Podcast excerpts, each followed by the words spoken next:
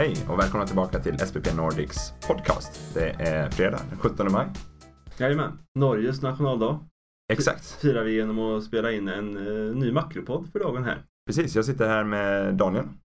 Och eh, Oskar heter jag som vanligt. Och eh, ja, det händer ju ganska mycket på plattformen nu och vi, vi har fått många frågor i samband med vårt senaste projekt i London.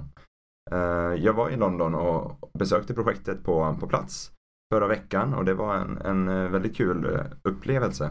En av de vanligaste frågorna vi har fått in är hur påverkas min investering av att projektet ligger utomlands? Ja, just det.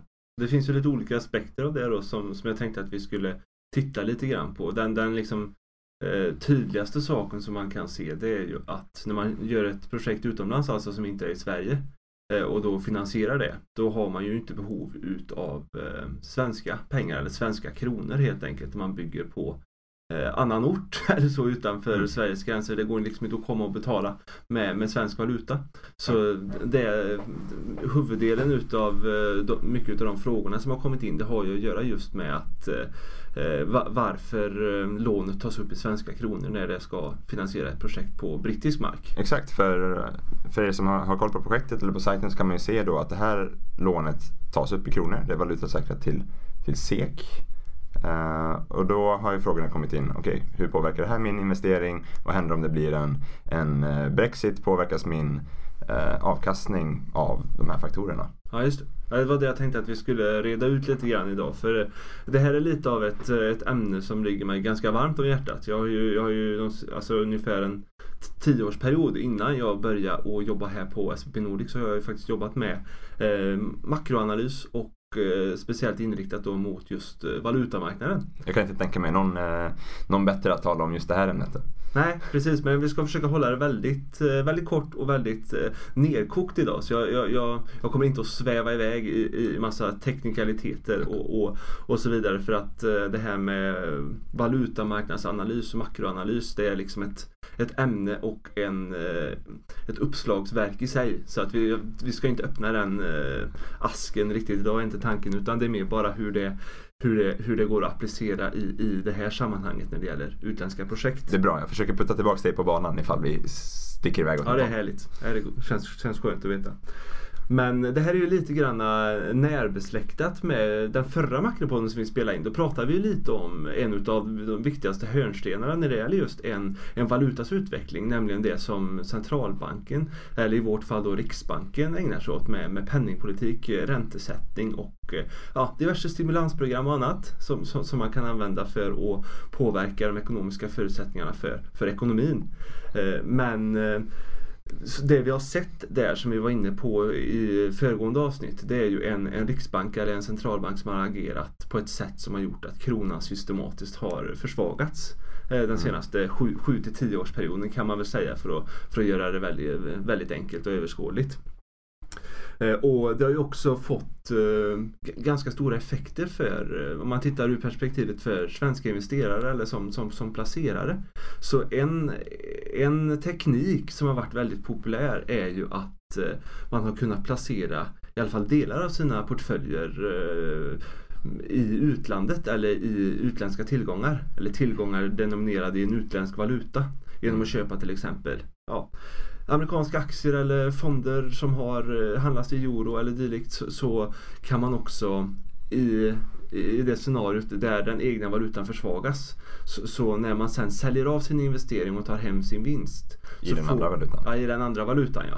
Eh, För då köper man ju någonting i till exempel dollar vid en Ja. viss tidpunkt och sen vid en senare tidpunkt så, så säljer man ju tillgången i dollar. Då får man ju dollar som man sen då tar hem till, till svenska kronor. Och då om de svenska kronorna under tiden har blivit eh, svagare, ja då har du fått fler kronor för de som du köpte från början. Ja precis, så det blir ju egentligen som ett, eh, i det fallet då när kronan försvagas, en, en premie som du får, en avkastningspremie som, som blir ovanpå den ordinarie avkastningen från eh, tillgången i sig då. Just det. Men, men nu låter det som att det är bra att, att ha placeringar i andra valutor än kronor. Så kan det absolut vara och som så, så, så, många gånger förr när det gäller de här frågorna så är ju en, en mix eller en så kallad diversifiering är ju, är ju att föredra. Att man kan ha, ha lite olika eh, i sin portfölj. Men eh, det, det man ofta glömmer när det gäller sådana här saker att bara för att någonting har fungerat under en viss begränsad period.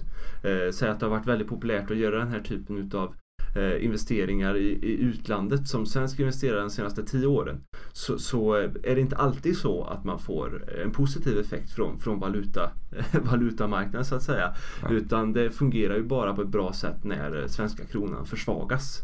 Eh, och det finns ingen garanti för att eh, fallet är så eh, även i framtiden. Så att eh, den här eh, valutaaspekten utgör ju både en potential men också då en risk för, eh, för avkastningen på, på, på sin, sin portfölj eller sina investeringar. Och mm. det, det, är den, det är det dubbelsidiga fokuset som jag tycker är väldigt viktigt att man, att man hela tiden har när man pratar om sånt här. Det går inte bara att se någonting som antingen bara en risk eller en, en potential för högre avkastning utan man måste kunna se både och. Och sen är det första som man ska fråga sig, vill man överhuvud, överhuvudtaget ta den här eh, valutaaspekten eller vill man ta valutarisken eller potentialen i, i, i beaktning överhuvudtaget? Precis, för jag tänker på eh, de eh, projekt och placeringar som vi jobbar med. Uppfattningen bland våra eh, medlemmar är den att man kanske placerar i det här för att man vill på förhand veta vilken typ av avkastning man kan förvänta sig. Det är en av fördelarna med att placera i fastränteinstrument ja, som, som våra projekt. Så är det ju och uh, just därför då uh, åter till den uh, ursprungliga frågan. Mm. Varför tar man upp finansiering i svenska kronor när man finansierar ett projekt i Storbritannien då som i det här fallet. Och, och det är helt enkelt av en enklare linje att det är ett direkt krav som vi ställer på, på låntagarna att ska man finansiera genom SPP Nordic eller plattformen där så, så, så finansieras det just i, i svenska, svenska kronor. Det har ju att göra med då att om man skulle låna ut i pund istället eh, och sen när långivarna får tillbaka sina pengar när projektet återbetals då, då, eh, då skulle risken skulle ju kunna vara att eh, de punden som man sen får tillbaka är mindre värda i svenska kronor när man tar hem investeringen så att säga. Va? Ja. Och den, den risken, det, är ju ingenting som har med det här, den här typen av investering att göra egentligen. Det här är ju en investering som, som har en fast löptid, en fast ränta och som, som i, i fallet London då så, så, så är ju den årliga avkastningen eh, 13 procent. Och eh, det skulle kunna bli eh, ganska omfattande effekter om eh, om säg att pundet skulle um, röra sig kraftigt mot svenska kronan under löptiden. Ja. Då är inte en, en rörelse på säg 5 från, från dagens nivåer. Då pratar vi om 50-60 öre. Ja, skulle du säga att det är ganska vanlig rörelse i valutamarknaden? Ja, definitivt över en löptid på, på ett år plus. Ja. Alltså en, en, valuta rör sig ju inte i regel eh, 5% på en dag. Eller så som det kan vara med en aktie när det kommer en rapport och så vidare. Men, men eh, vi ser ju samtidigt väldigt mycket längre och också självförstärkande trender. Mm, I mm. synnerhet när, när eh, marknadens fokus eller finansmedias fokus eller rapportering är inriktad just på en, en, viss, en viss valuta eller ett visst land. Just i fallet London och pundet i skedet som, som det landet är nu med, med Brexit och allting eh, så känns det ju som en väldigt bra grej att skydda sig mot den eventuella risken. För den kanske kan då kan komma, sig, komma att röra sig ganska mycket jämfört ja. med vad valutor normalt gör. Och det, det är också någonting som man kan, det, utan att liksom lägga för mycket vikt vid det, eh, man kan ju diskutera på olika sätt hur, hur själva brexitprocessen skulle kunna påverka pundet eh, i relation till svenska kronan. Men det är liksom ett ämne i sig. Ja. Så att eh, bara konstatera att eh, vi eliminerar den typen av risk helt och hållet genom att ta upp, eh, ta upp lånet i, i svenska kronor. Och för, för låntagarens del då som har behov av att finansiera projektet på plats i, i Storbritannien mm. så, så, är det ju viktigt att, att tänka på hur det faktiskt ser ut i stort när det gäller projektet. Ja, för om man vänder, om jag tänker då från deras perspektiv om det här lånet så att säga skulle bli väldigt mycket dyrare, säg att kronan blir starkare, då, då blir det ju dyrt för dem att betala tillbaka istället. Mm. Hur, hur, ser det ut lite grann från deras perspektiv? Ja precis. Eh, det, det som är viktigt att tänka på då det är ju för, för det första hur stor del utav finansieringen för hela projektet är, är upptagen i, i, i svenska kronor i det här fallet. Eh, resten, det man finansierar på plats, det finns ju bara en, en finansiering som är i en annan valuta än pund. Eh, och det är den här finansieringen som är upptagen i svenska kronor. Och den motsvarar faktiskt inte mer än 12, 12 procent utav den totala projektkostnaden. Just det. Så det, man kan säga att projektet blir ganska okänsligt mot valutarörelsen ändå. Verkligen. Projektet i sig. Och, och, eh, verkligen eh, mycket mer okänsligt än om eh, den här valuta risken slash potentialen hade legat på lån, långivarnas eller investerarnas sida istället. Just det. För det här är ingenting som, som hur, hur växelkursen rör sig är ingenting som, som får i slutändan eh, några betydande effekter för att man ska kunna räkna hem projektet eller inte när, när det handlar om att man finansierar så lite som 12 procent. Det är jättebra att, att ja, man tar bort risken från de som potentiellt skulle kunna drabbas ganska mycket av den mm. i form att stora delar av, av avkastningen eh, skulle påverkas från eh, investerarnas perspektiv. Men för projektägaren så spelar det egentligen inte så stor roll. Nej, nej precis. Och det är ju det som är grundtanken då med att vi har valt att ja, kräva just det här upplägget att, att lånet tas upp i svenska kronor.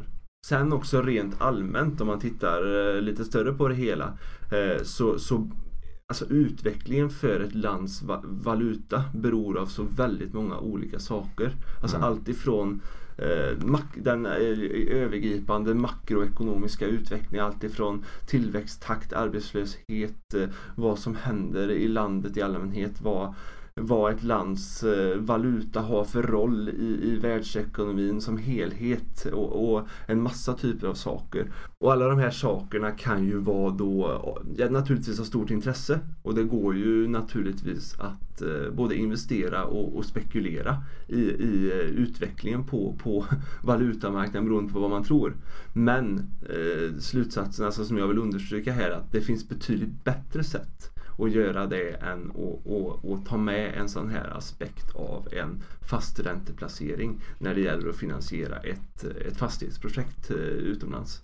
Det håller jag helt med om. Det känns ju bättre att den här typen av projekt ger en fast avkastning på en fast löptid och man ska liksom göra det så pass simpelt och enkelt som möjligt att, att förstå sig på. Och man ser hur pengarna kommer till låntagaren tills de kommer tillbaks till långivaren utan så många osäkerhetsfaktorer. Ehm, och kan vi ta bort alla de här eh, osäkerhetsfaktorerna på ett enkelt sätt så känns det väldigt bra. Ja, nej, men det ska ju vara, den här investeringen har ju, är ju direkt relaterad till det, det faktiska byggprojektet och de, de vinstmarginaler som finns där och, och, det är ju det som, som gör att det finns, finns underlag för att, för att få en avkastning genom själva eh, bygget i projektet och det ska ju inte ha tycker inte jag eh, har att göra med eh, andra, andra faktorer som, som är direkt frikopplade som till exempel då valutamarknadens utveckling under, under löptiden. Superbra! Det är alltid jättekul att få in Daniel i, i studion här på makrosidan. Det är så mycket kunskap som bara flödar ut. Det känns som att du har allting i bakfickan bara. ja, det, det tror jag nog faktiskt ja, ja. det är så. så. Men det händer också ganska mycket på, på plattformen nu. Det var, när ni lyssnar på det här så har det lanserats ett nytt projekt.